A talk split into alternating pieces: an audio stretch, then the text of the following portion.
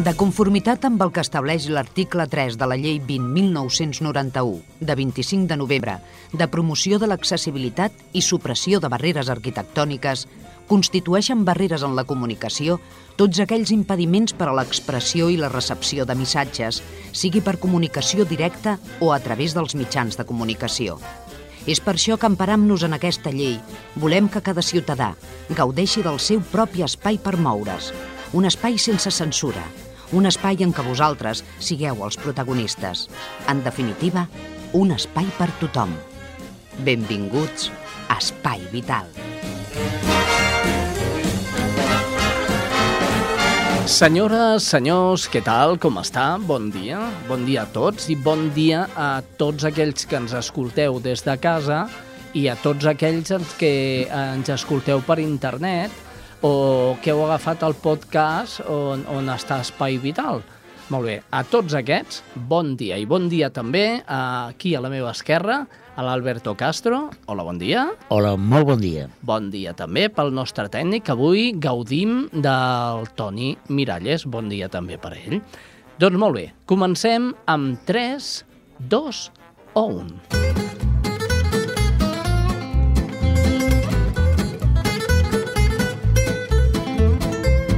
Això és Espai Vital.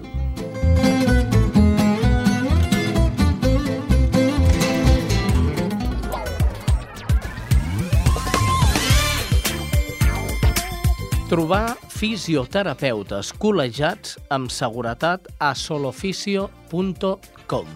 I què és soloficio.com? Doncs d'això ens en parlarà el seu propi director. Senyor Alejandro Rojas, bon dia. Bon dia, Xavi. Eh, explica'm una mica, què és soloficio.com?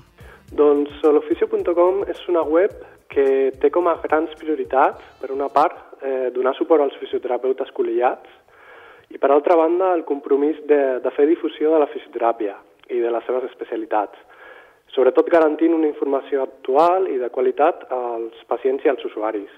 Ah, que la persona que contracte qualsevol fisioterapeuta que aparegui en aquesta web eh, està col·legiat, no? Així és.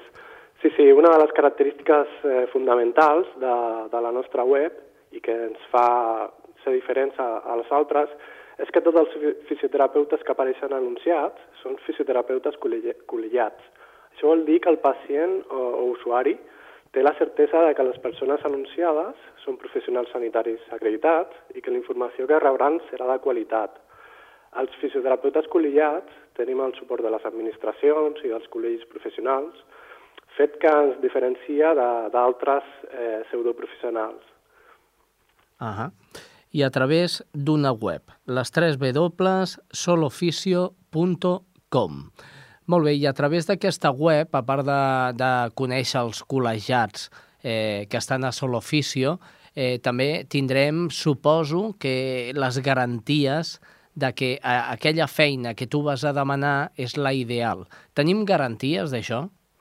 Sí, és clar. Eh, el registre a la web, eh, sobretot és per col·legiats, ho hem fet així perquè el ser col·legiat eh, ens dona unes garanties de, de tractament, de confiança, de saber que aquest professional eh, farà el tractament que, de fisioteràpia que necessites.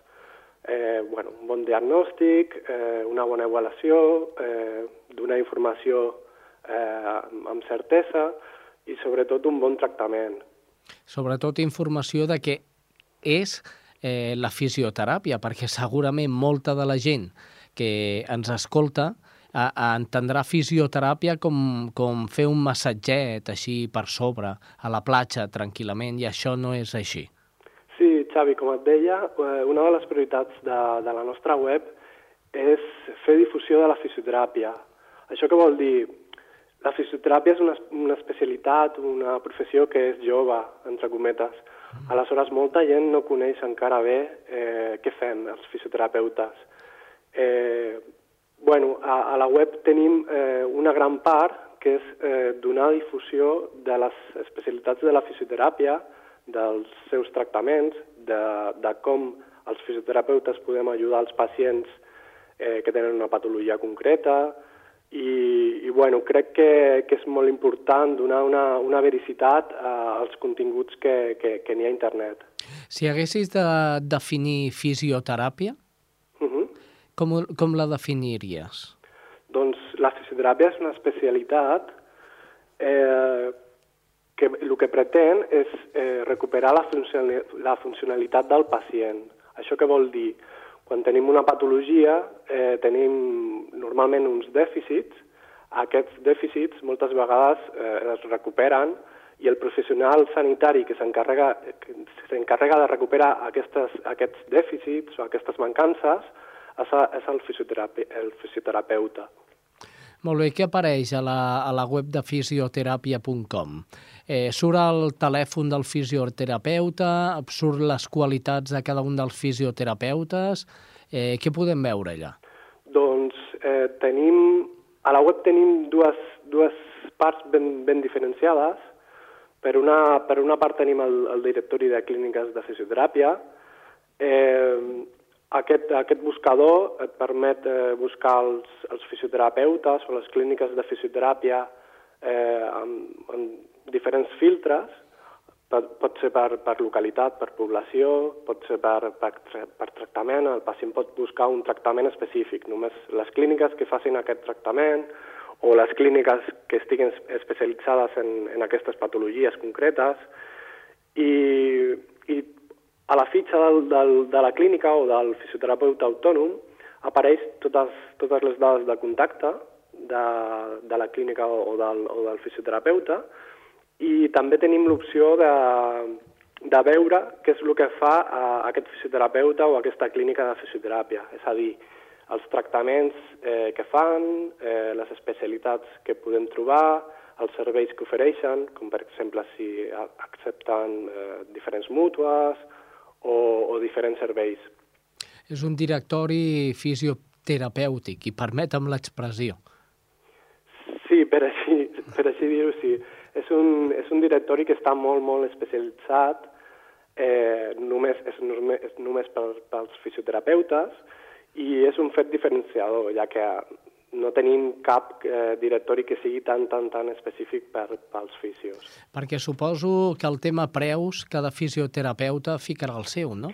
Sí, eh, a la web no, no, hem, no hem entrat a, a, ficar preus, a les fitxes no, no trobarem preus, uh -huh. perquè creiem que el més important és, és el, la qualitat del servei, per així dir-ho. Tampoc ens interessa eh, que, que a la web apareixin preus per un tema de, de competències i, i crec que, que és, és una bona solució. Ja donem eh, les dades de contacte per, per, pel que el pacient trobi o, o parli directament amb, el, amb la clínica.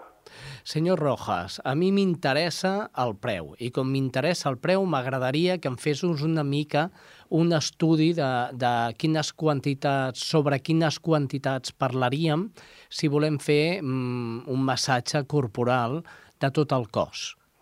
Doncs a veure, tot depèn de... Realment tot depèn del temps i, i també depèn una mica de, del pacient, no? Fem un Però, supòsit, fem un supòsit. podem fer, sí. eh, o, o podem triar les dades que ens dona el Col·legi Professional de, de Fisioterapeutes de Catalunya, que per una sessió més o menys eh, ens dona un preu de, de 40 euros l'hora, més o menys. Ah. És un preu orientatiu que ens dona.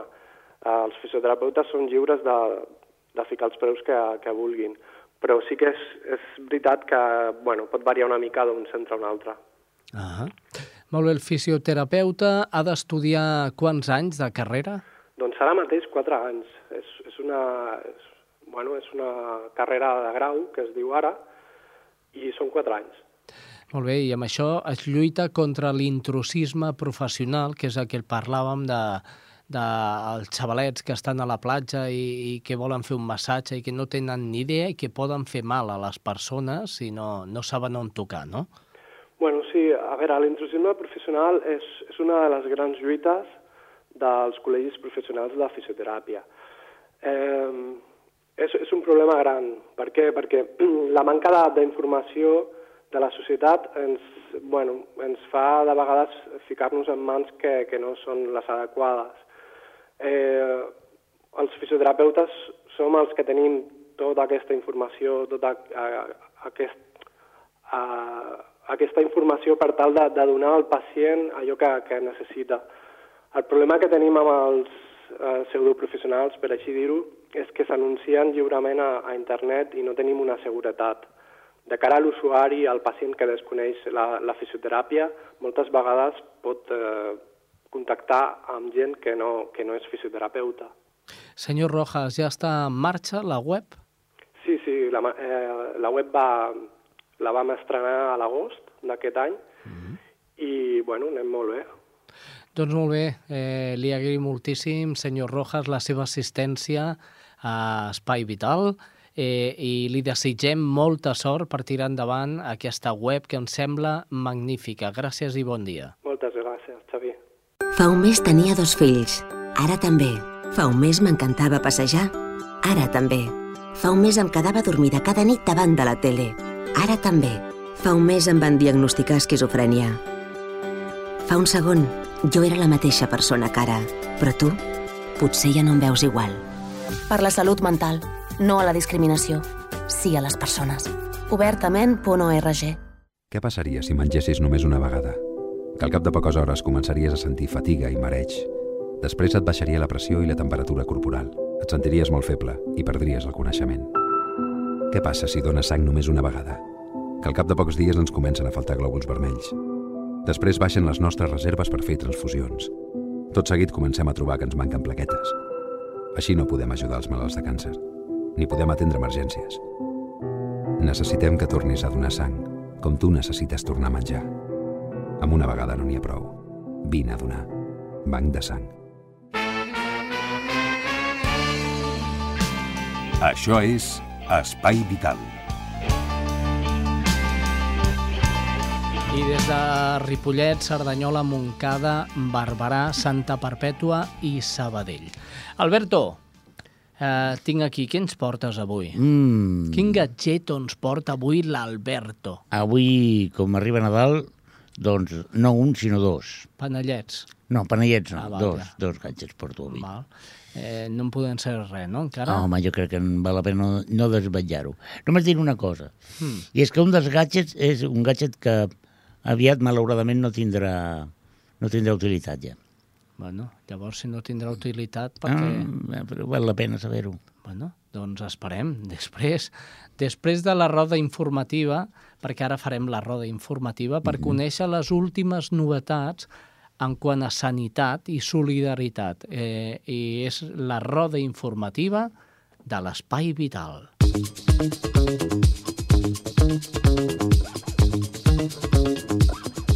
I comencem, i ho fem amb Ripollet. Des d'allà ens informa la Franzina Ricard. Una salutació als amics i amigues de l'Espai Vital. Per segon any consecutiu, l'Assemblea Comarcal de Creu Roja de Cerdanyola, Ripollet i Montcada posa en marxa un projecte de recollida de roba d'hivern per les persones que es disposen de pocs recursos. Es preveu que la distribució d'aquesta roba comenci al mes de desembre, tot i que la campanya s'espera allargar fins a la Setmana Santa. Aquesta és una altra de les mesures de Creu Roja per pal·liar les conseqüències socials de la crisi econòmica que cada vegada afecta un major volum de població. L'objectiu inicial de la campanya és arribar com a mínim a un centenar de persones que es trobin en situació de màxima pobresa. Tot això s'espera que amb la donació solidària de la ciutadania i que es pugui arribar a un major nombre de persones i famílies en situació de vulnerabilitat. Actualment la campanya es troba en fase de difusió i de recollida de peces de roba com per exemple mantes, jaquetes, abrics, mitjons gruixuts i guants. Per donar peces de roba, les persones interessades es poden adreçar a la seu de l'Assemblea Comarcal a l'Avinguda de la Creu Roja número 25 de Cerdanyola de Vallès de les 9 del matí a les 12 del migdia de dilluns a divendres i dimarts durant tot el dia. I això és tot des de Ripollet. Molt bona tarda.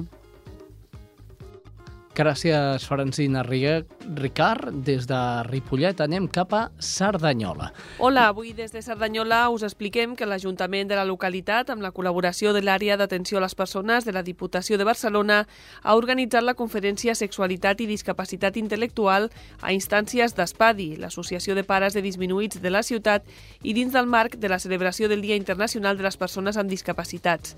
Aquest és el segon any que es porta a terme una xerrada dirigida a l'àmbit de la discapacitat amb l'objectiu d'obrir una font d'informació a totes les famílies que atenen dia a dia els seus familiars. En aquest cas, es va parlar de discapacitat intel·lectual, afrontant temes de gran interès i de vegades poc tractats o que donen peu a la confusió. Gemma Deulofeu, psicòloga i sexòloga col·laboradora del DINCAT, Discapacitat Intel·lectual de Catalunya, explica que l'objectiu de la xerrada era oferir eines a les famílies per poder atendre les persones amb discapacitats amb les que conviuen i també clarificar certs mites. Deulofeu volia deixar clar que les persones amb discapacitats també tenen sexualitat i val la pena abordar aquesta qüestió des del punt de vista de la salut i del creixement personal. Deulofeu explica que molt sovint les famílies tenen una gran càrrega d'ansietat respecte a la sexualitat de les persones amb discapacitats i l'objectiu d'aquestes xerrades és precisament acabar amb aquestes preocupacions buscant solucions i rebent propostes. La psicòloga i sexòloga recomana a les famílies escoltar, preguntar i decidir. És essencial, diu, facilitar-los recursos i ajudes específiques a les necessitats que plantegen, perquè els manquen els recursos personals, familiars o cognitius per dur a terme certes demandes, com ara trobar amics o parella, gaudir d'espais entre iguals, tenir relacions sexuals i afectives, solucionar disfuncions sexuals, teràpia de parella, ser conscients de certs riscos, reforçar habilitats socials, etc. Gemma Deulofeu insisteix en que les famílies han de perdre la por i s'han d'adreçar als especialistes no només quan es presenta un problema concret o una malaltia, sinó també fent servir aquest recurs com a eina pedagògica. I això és tot des de Cerdanyola Ràdio. Fins la setmana vinent. Gràcies, eh, Rosa Morante, des de Cerdanyola Ràdio. Ens n'anem cap a Montcada. Allà a Montcada ens passa la crònica la Laura Grau. Salutacions des de Montcada per l'Espai Vital. Aquesta setmana ens volem fer ressò d'una exposició de fotografia molt especial que es pot veure aquests dies a Montcada i que té a veure amb la pròxima celebració de la Marató de TV3 contra el càncer, que, com sabeu, tindrà lloc el 16 de desembre. La mostra titulada Clàudia, un any de mi vida, és obra de la fotògrafa barcelonina Clàudia Macchioni, qui va plasmar en imatges el procés de curació del càncer de mama que li van diagnosticar quan només tenia 28 anys. L'autora, que serà una de les convidades al programa de la Marató de TV3, també ha escrit un llibre sobre la seva experiència vital i vindrà a Montcada el dia 14 de desembre a les 8 de la tarda per parlar sobre aquesta exposició i aquest llibre. Els diners recaptats amb la venda de la publicació es destinen íntegrament a la Fundació Fero, una entitat privada que contribueix al desenvolupament de la investigació oncològica. Aquesta mostra es podrà visitar fins a final de mes a la seu de l'agrupació fotogràfica, a les antigues escoles de Marrampinyo, on també es farà aquesta xerrada que us comentàvem. D'altra banda, i també en el marc de la Marató de TV3 contra el càncer, volem destacar que un dels grups que apareix al disc de la Marató és el sextet vocal de Montcada i Reixac Ocumé, que fa una adaptació en català del tema anglès Life, de la cantant anglesa Desri. Res més des de Montcada Ràdio per Espai Vital. Bona setmana. Gràcies, Laura. Bona setmana també per tu. De fet, parlarem avui de la Marató al finalitzar aquesta roda informativa i parlarem amb el director de la Marató de TV3, el Lluís Bernabé. Doncs ara ens anem cap a eh, Barberà. Allà es troba la Judit González. Salutacions de Ràdio Barberà. El passat divendres, 30 de novembre, la Biblioteca Municipal Esteve Paluchie va acollir la presentació del calendari solidari de Corazón de León pel 2013. El calendari, que ha estat confeccionat amb la col·laboració del fotògraf barberenc Juan Muñoz i el periodista Rafa Martín, servirà per recollir beneficis que es destinaran al recolzament dels nens amb càncer de l'entitat. D'aquest calendari formen part les famílies membres de l'Associació Corazón de León, Imagina Yoga, Faran Dengra, Grup de Música Jere i Los Improperios, el Mercat Municipal 11 de setembre, Barberà Comerç Urbà, la Unió Atlètica de Barberà, la Biblioteca Municipal Esteve Pelugie o l'Associació de Veïns de Can Gors, entre molts més.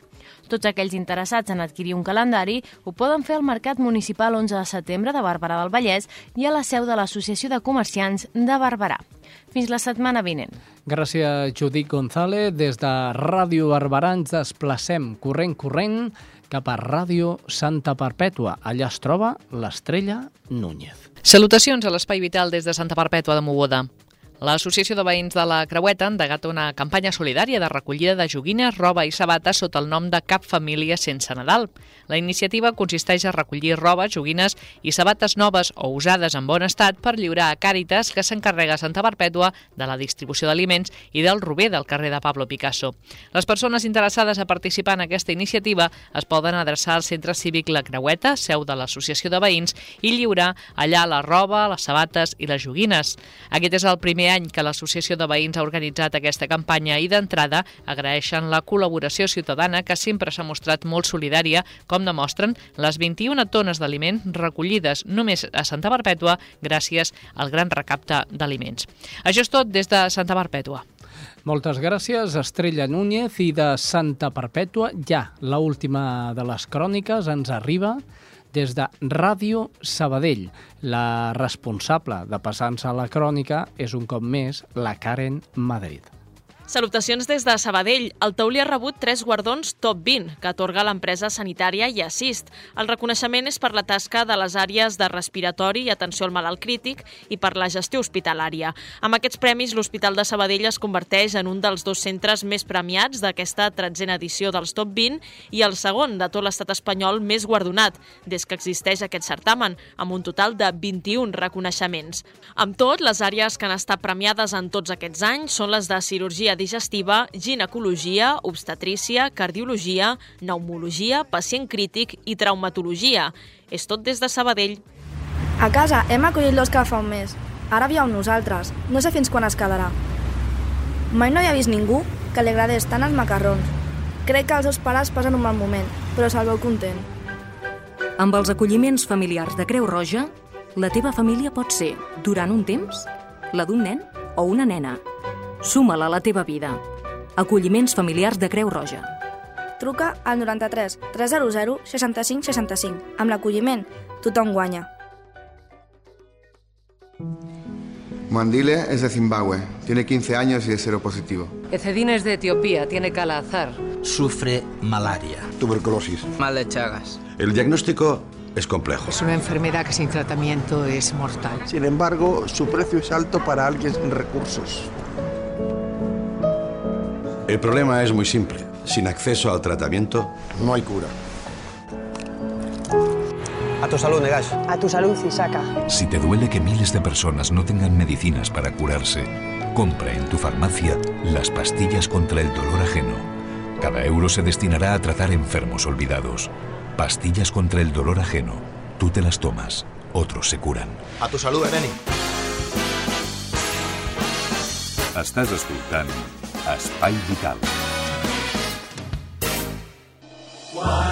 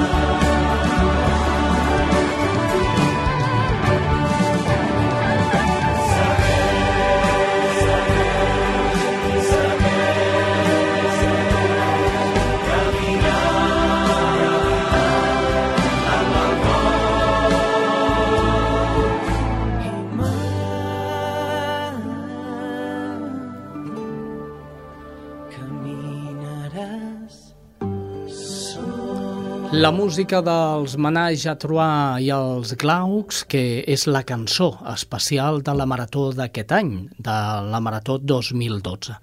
Vosaltres sabeu que cada any a l'Espai Vital parlem de la Marató i ho fèiem amb el Xavier Abad, que abans era el director de, del programa de la Marató, i aquest any hem canviat de director. Avui tenim a l'altre costat del fil telefònic el Lluís Bernabé, que és el nou director del programa de la Marató.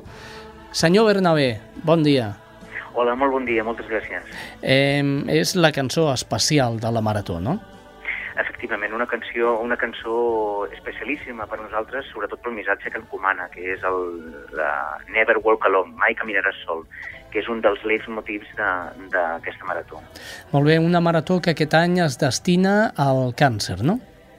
Sí, concretament, eh, les, les donacions aniran enfocades a la, a la investigació per al càncer, malgrat que ja s'han fet altres maratons al llarg de la història de la, de, de la Fundació de la Marató, el 92, eh, amb la leucèmia, 94, càncer de colon i càncer de mama, i 2004 també, eh, igual que en aquesta ocasió, una marató pel càncer en genèric, doncs eh, el motiu de que es faci en aquesta ocasió ve perquè la marató, eh, o sigui, l'evolució amb la científica ha sigut tan, tan, tan, tan alta amb aquests 10 últims anys que comparat amb els 30 anteriors és incomparable. I sobretot perquè la, la investigació científica els beneficis sempre repercuteixen sobre, el, sobre, els, sobre els pacients.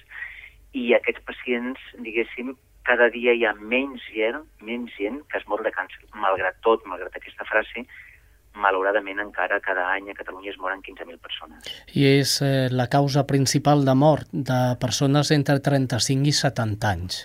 Així, senyor. Molt bé, llegia que hi ha més de 200 tipus de càncer.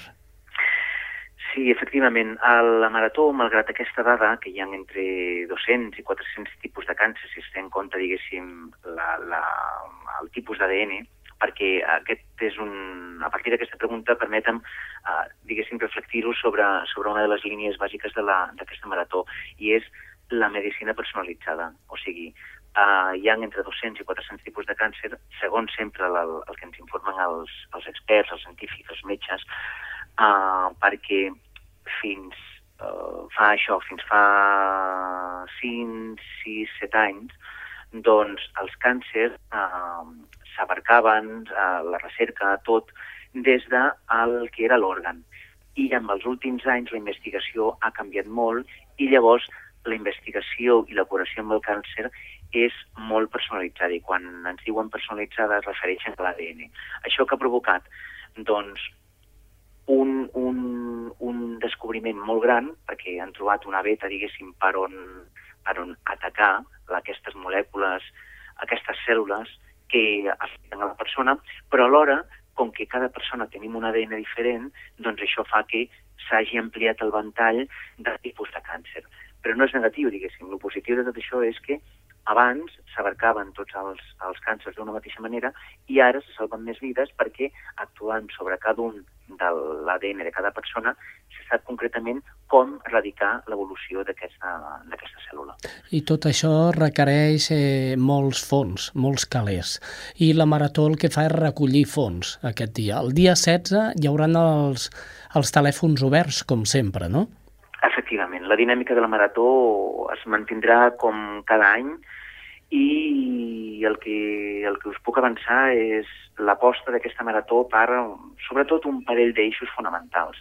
Un d'ells és uh, l'aposta per intentar totes aquestes activitats que ja van ressorgir, sobretot l'any passat, en coincidint amb el 20 aniversari, i van arribar a unes 1.800 activitats, tal i com va actualment ara el nombre de persones, entitats que estan proposant activitats i fent, doncs segurament assolirem les, les 2.000 activitats. I no ho dic, no ho dic com, a, com a xifra rècord, ni molt menys, perquè si em recordes quan vam fer la Marató per la Pobresa, els, les xifres, si m'intento de fugir una mica, sinó és com a mostra de solidaritat. I llavors el programa el que sí que vol mostrar en tot moment no és 2.000, 2.000 com a èxit, no, no. Per nosaltres l'èxit fonamental és que cada cop hi ha més persones sensibilitzades amb qualsevol activitat relacionada amb la marató. I això provoca la frase que em diré ara, que és la marató ha deixat de ser de la tele de Catalunya Ràdio i és fa molt de temps la tele de Catalunya, és la, la marató de Catalunya, perquè sense, sense vosaltres, sense l'ajuda dels mitjans, sense l'ajuda dels professionals especialitzats en cada una de les coses i sense la meravellosa ajuda i participació d'aquelles persones que, a lo millor directament, no tenen res relacionat amb aquesta malaltia, però que és molt d'agrair que ajuden constantment, constantment, amb una activitat tant si és recaptadora d'una quantitat petita com si és recaptadora d'una quantitat molt gran. Lo important és l'acció recaptadora i l'acció eh, recaptadora que fan. No? I l'altre és fonamental, és el de intentar portar al, al, al plató un nombre d'experts més gran que d'altres. Per què? Doncs perquè, com molt bé deies tu abans, hi ha molts diferents tipus de càncer i malgrat que no assolirem mm, la xifra de 200, tocar els 200 tipus de càncers, sí que en volem tractar el càncer de manera diferent a com es va tocar el 2002, bàsicament perquè han canviat moltes coses. I llavors, aquest canvi l'hem de mostrar d'alguna manera, no? I és intentant portar no només el testimoni i el metge, sinó tota la part col·lateral del càncer, és a dir, familiars, psicòlegs, infermeres, totes aquelles persones que ajuden a portar més dignament aquesta malaltia, i dic dignament entre cometes. Eh, la Marató de TV3 s'ha creat eh, un nom musical, i m'explico. Any rere any la Marató treu un disc. De fet, ja l'han tret, ja s'ha venut, però que sapigueu que teniu la possibilitat d'adquirir-lo si no ho heu fet a través de, de la botiga de TV3 eh, una marató que ha tret un disc amb gent com Alejandro Sanz, per exemple, els Glaucs i, i d'altres, no? Sí, senyor. Uh, gent molt important, diguéssim, des de l'àmbit català, des de l'àmbit uh, internacional, és una labor tan quan, quan feia referència a d'altres persones que col·laboren fent activitats, no em referia només a les activitats d'aquestes aquesta, de la xifra, sinó tothom que participa, com molt bé dius tu, uh, en el, per exemple, en el disc, o tothom que participa també en el llibre. No podem oblidar el llibre que porta uh, ja a la venda, com has dit tu abans, no només des del dia 2, sinó fins i tot alguns dies abans. No? I el llibre també és un, un acte de voluntariat amb la feina que implica de, mm, o bé alguns, a partir d'alguns periodistes que s'han dirigit fins i tot a alguns hospitals per mm, fer una mena de reportatge o d'altres persones que han tingut una experiència pròpia i l'han reflectit perquè algun amic o alguna persona molt propera doncs, consideraven que era vital expressar-ho amb, amb, amb una narració, amb una novel·la, un fragment de novel·la, o el mateix o el mateix disc, no? que hem de dir del disc, doncs ens ha passat una cosa molt curiosa amb la gravació d'aquest mm, making of, que si vau tenir ocasió de veure en dies passats, es va passar per TV3, doncs en el making of quasi, quasi, quasi tots els personatges que, que han participat, um, parlo del món de tenien, malauradament, alguna persona del seu entorn molt propera que, que havia passat per un càncer. No? Llavors, eh, sense voler, ens hem donat que és, ja ho sabíem per xifres, però quan entres al detall en persones, en primera persona, doncs te n'adones que és una malaltia que afecta, afecta molta gent. Molta I, gent. I que no té edat, eh? I no té edat, dic. Sí, senyor. Sí, senyor. Eh, pot agafar de ben petit, pot agafar de gran. Molt bé, doncs, i amb el llibre, el llibre de, que també s'edita per la Marató, col·laboracions importants com les d'Andreu Buenafuente, no? Sí, senyor. I qui més? Hi ha el, el Des... periodista aquest... L'Albert Tom, per exemple. L'Albert Tom, l'Albert Tom, ara. Sí, i, i molta altra gent permeten no fer referència a tots perquè ni amb els del disc, ni amb el del... Només et diré que estem parlant al voltant de això d'una vintena tant de la, del disc com una quinzena amb, amb el cas del llibre, no? I llavors són gent que hem d'agrair des d'aquí tot l'esforç, repeteixo, però no només perquè surtin amb el disc o amb el... sinó perquè de vegades amb alguns d'ells els hi ha costat eh, molt d'esforç, diguéssim, el, el, el cantar aquella cançó que nosaltres els hi hem orientat, o, o concretament, diguéssim, l'Àngel de Calle, que és el responsable del, del, del disc, orientar-los cap a quina cançó estaria bé, perquè sempre saps que les cançons venen a partir d'una un, cançó que ja és històrica, una cançó que tenia un leitmotiv molt concret, i llavors ells fan l'adaptació al català. Llavors, això, clar, ha sigut en algunes ocasions amb molt de sentiment, perquè ens hem trobat en casos de que la mateixa parella del cantant estava afectada per al càncer o una mateixa mare estava afectada pel càncer. Llavors, en aquesta ocasió la marató és, és, és molt propera a, la, a aquestes persones que participen. És interessant sentir el Miguel Bosé parlant català o, o, per exemple, el mateix Alejandro Sanz fent una cançó molt coneguda també en català.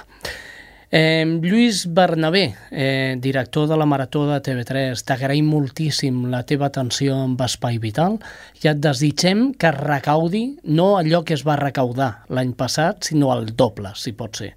Gràcies i bon dia. Moltes gràcies a vosaltres i agradíssim, com sempre. Mercès. La mort hauria de ser el final de la vida. Gràcies a la investigació, el càncer no. El 16 de desembre, truca contra el càncer. La Marató de TV3 diu molt de tu. Cada 5 segons algú es queda sec al món. Cada minut, un nen. El 75% d'aquesta ceguesa es pot prevenir o curar. La Fundació Ulls del Món lluita contra la ceguesa evitable en territoris sense recursos. Ajuda'ns a fer arribar a més ulls el dret a la visió. Ulls del Món. He tenido muy poca autoestima, muchas inseguridades y sigo sintiéndome poquita cosa al lado de los demás. Soc Mercè, afectada de psoriasi i membre d'Acció Psoriasi.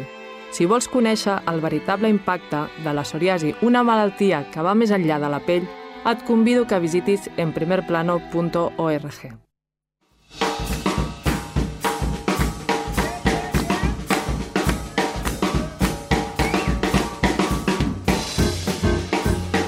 Sintonia moguda per algú que quasi bé no es mou, a l'Alberto Castro. Alberto, ha quedat bé això. No, no sé què dir-te, no sé què dir-te, si ha sigut un compliment o... Sí, sí, totalment. Perquè, Home, mira, mira, mira, et bellugues. Em bellugo poquet, però d'un i Mira, do. com, com, com és el de TV3, d'allò dels nanos? Em moc, em moc, m'agrada l'esport, no? Bueno, a mi m'agrada l'esport, però no per moure'n, sinó des del sofà de casa, Bueno, sí, sí, amb una sí, cerveseta, veure el Messi... No, però amb tu, amb tu mm, i la teva verborrea, que et moguis més o menys, és igual. Ah, això també és veritat. Alberto, eh, quins gadgets ens portes? Doncs avui porto dos. Avui porto un... eh, El primer és un... És un gadget que, que, que és força curiós. Es tracta d'una pilota, una piloteta petita, d'acord, del tamany de... A veure, d'una pilota petita, eh?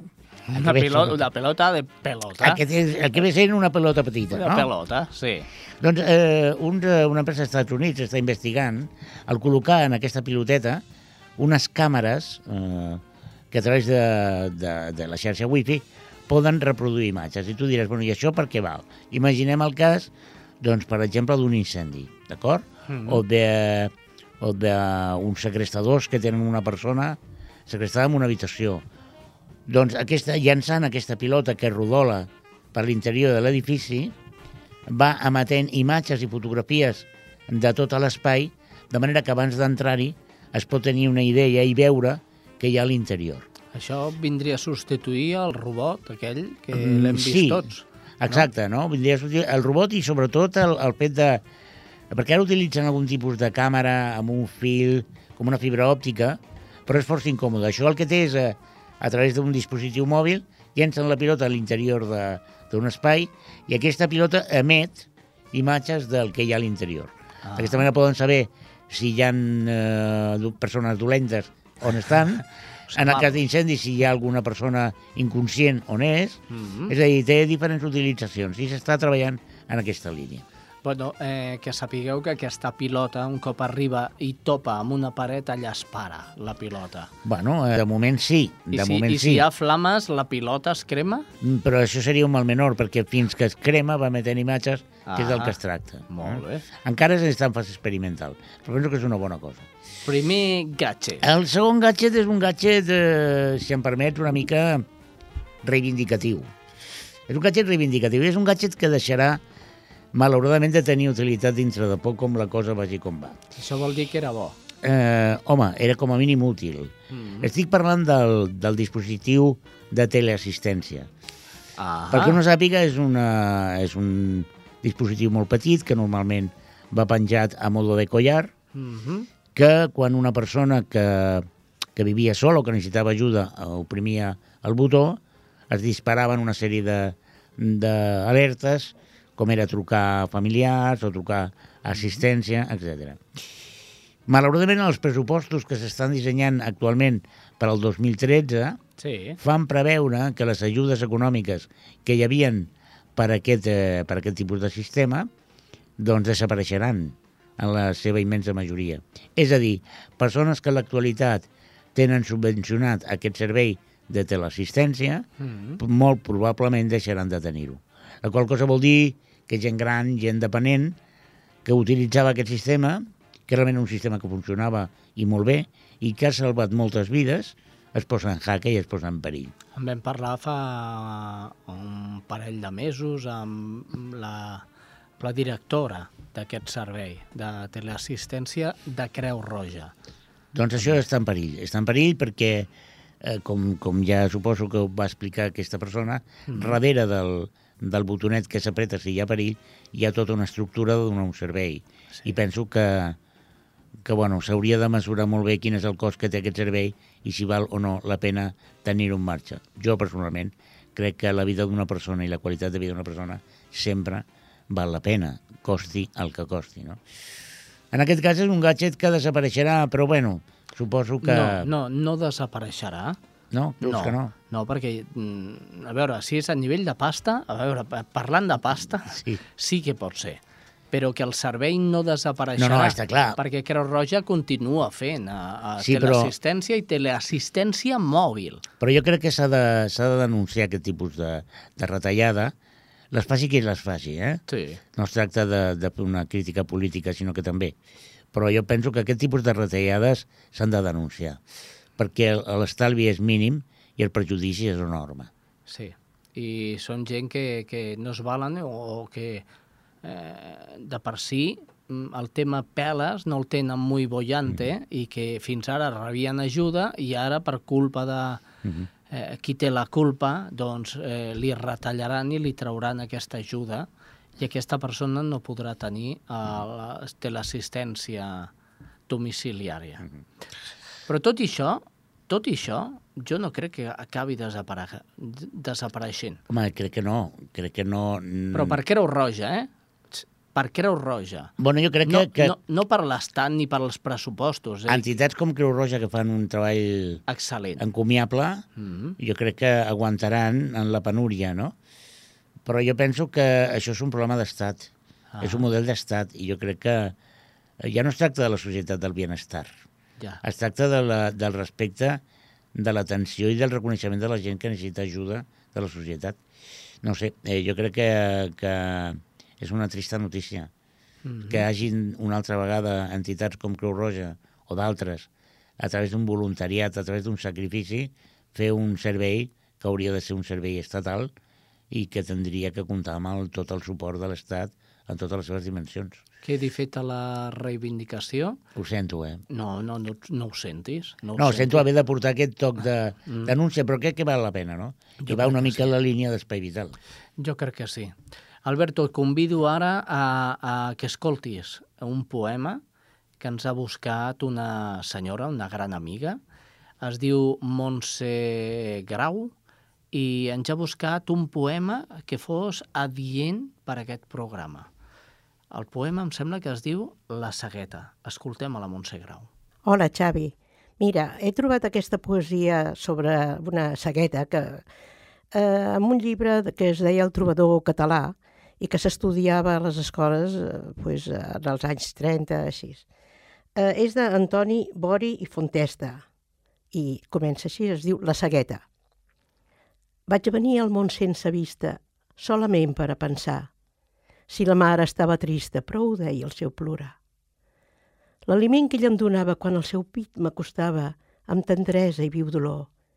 Que melós que jo el trobava, més que fos negat pel plor. Germanets que jo tenia, però me'n feien de petons en comptar-me amb alegria, que els meus peus eren bufons. Jo, contenta, a tots els feia cara alegre i fins somreia satisfeta en mon penar, i m'ho deien i no ho veia, ni entenia el seu parlar. De les coses que em contaven, si volia fer-me esment, se me'n reien, que em donaven a la mare de torment. Prou els fèiem a la cara, segons ells, contents encara, per voler-los fer callar. Ai, pobreta, pobra mare, i que em devia estimar. Quan ja gran i ella em volia més que tots els meus germans, me van dir que se'm moria per, per gaudir d'etern descans. Jo no sé on se l'emportaren, uns estranys que a casa entraren. Sols recordo que després que aquest fet a mi em contaren, no vaig sentir-la mai més. Meus germans van prendre ofici quan la mare es va morir. Si em feien de sacrifici per poder-me mantenir. I quan més necessitava sos consols, que no em faltava, la fermesa d'una llei de prop meu me'ls arrencava per anar a servir al rei. A una gent que ells coneixien van deixar-me al seu marxar.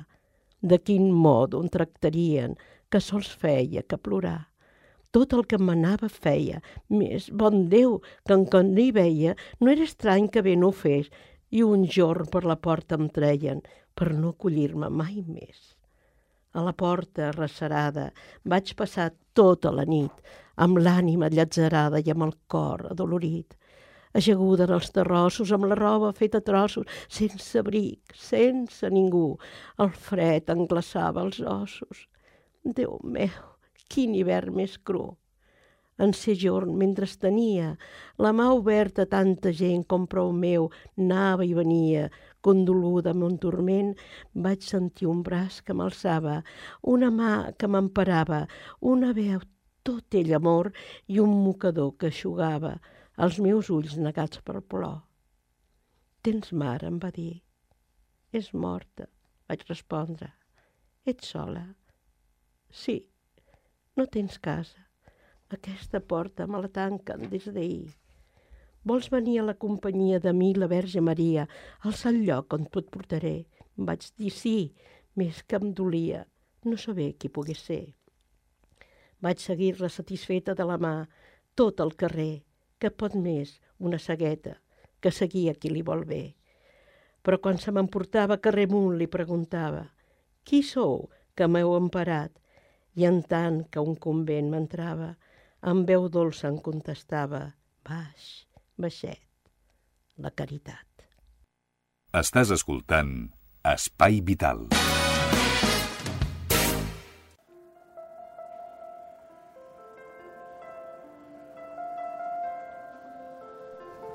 Molt bé, doncs fins aquí arribem. Senyors, eh, Alberto Castro, gràcies. A vosaltres. Eh, Toni Miralles, gràcies pel teu servei avui als controls tècnics. I un servidor, que els ha parlat durant 60 minuts, el Xavi Casas. Tornem la setmana vinent. Monotone el televisor Ara que plou a la sala i s'apaguen espelmes d'un cel que paria claror Ara que corren els lents escampant poesia i el món es desperta mandrós. Ara que trona un silenci feroç, ara s'ofega la tos. Ara que hem el temps passa i podem mirar-nos darrere el rancor. Ara t'ensenyo d'on vinc i com tinc fet a mi que és el motor.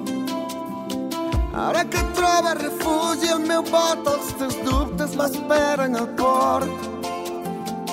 Ara t'ensenyo d'on vinc i de quin material tinc fet el cor. Jo vinc de l'aire que t'aixugava tu la pell, amor. Jo sóc el barri al carrer on vas trobar-lo a ell no m'equiparis. Baixa la terra en un pincel per tu, imperdonable. Jo no m'assemblo gens a ell, ni a, ni.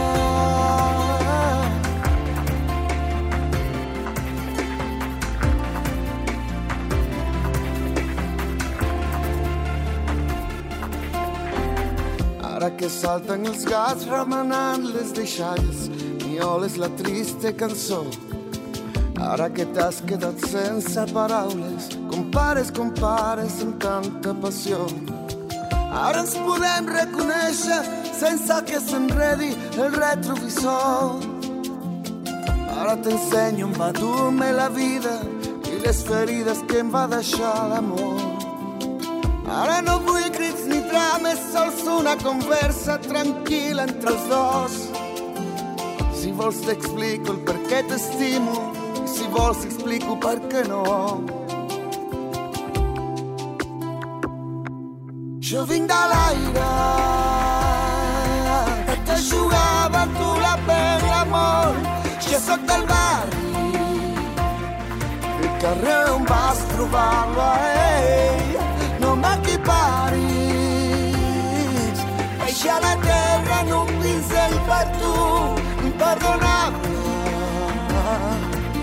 No m'assemblo gens a ell, ni ell ni a cap altre algú m'aixugui de la teva pell, ens desenclavi que t'esborren del meu pols. Sisplau, no em parlis, que algú m'aixugui de la teva pell, amor, que ens desenclavi. Tu ets el destí, jo la fortuna.